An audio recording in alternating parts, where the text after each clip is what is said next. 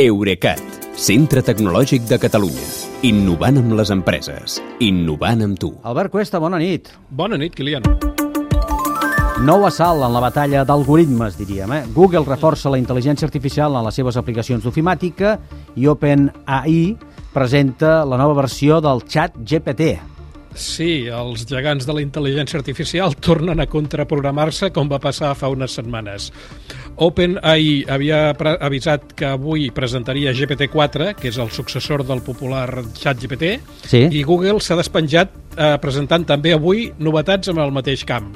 Eh, mentrestant, eh, Microsoft ha fet una cosa molt lletja, Samsung una que la trobo dubtosa i l'Ajuntament de Barcelona una que em sembla molt encertada.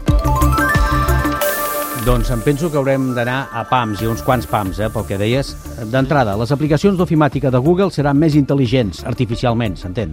Sí, Google no vol que es digui que s'està quedant enrere i ha anunciat que d'aquí unes setmanes les versions de Gmail i de Google Docs per a empreses podran redactar soletes, missatges i documents a partir dels punts principals que l'usuari els digui, o també resumir el contingut del document que li posis.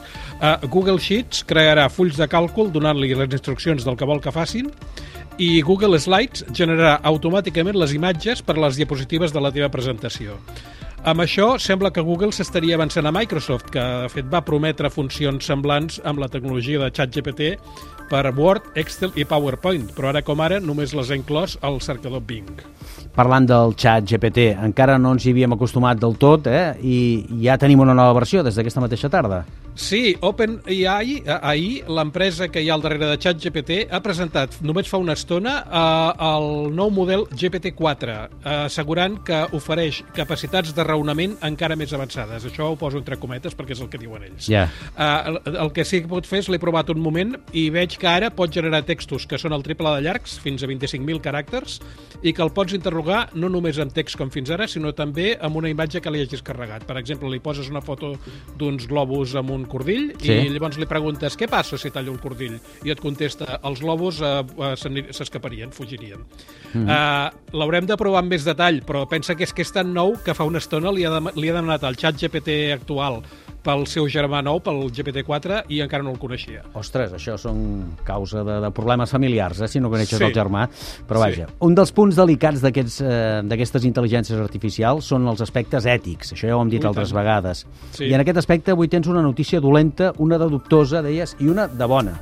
Sí, la dolenta és que Microsoft ha acomiadat tot l'equip que vetllava pels principis ètics i socials de la seva divisió d'intel·ligència artificial.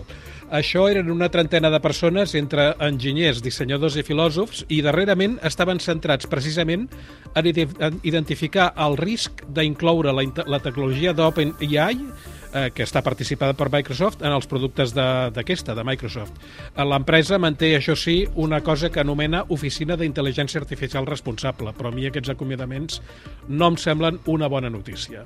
La dubtosa? Ah, la dubtosa és que aquelles fotos tan espectaculars de la Lluna que fan els mòbils Galaxy Ultra de Samsung, eh, jo en vaig fer una fa uns dies i Sí. em va impressionar molt, Sí. eh, són una mica enganyoses, perquè en realitat eh, s'ha descobert que combinen la imatge que capta el telèfon amb les que genera un algoritme eh, que s'ha entrenat prèviament amb milers de fotos lunars d'alta qualitat i que eh, aquest alg- algoritme afegeix a dins del telèfon detalls com cràters que existeixen, que hi són a la Lluna, però que ni tan sols el zoom de 100 augment, de 100 augments arribaria, arribava a distingir.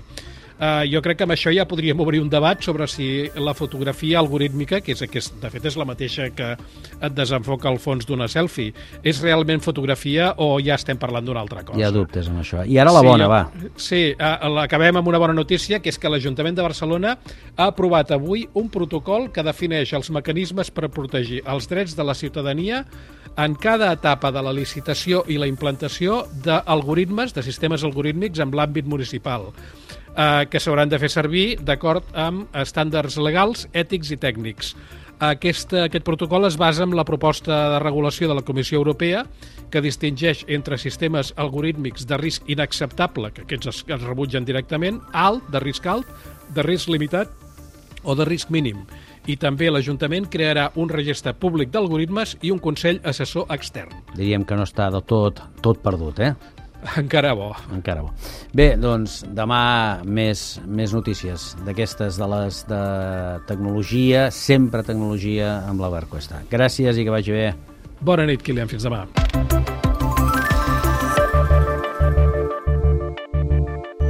Eurecat, centre tecnològic de Catalunya. Innovant amb les empreses. Innovant amb tu.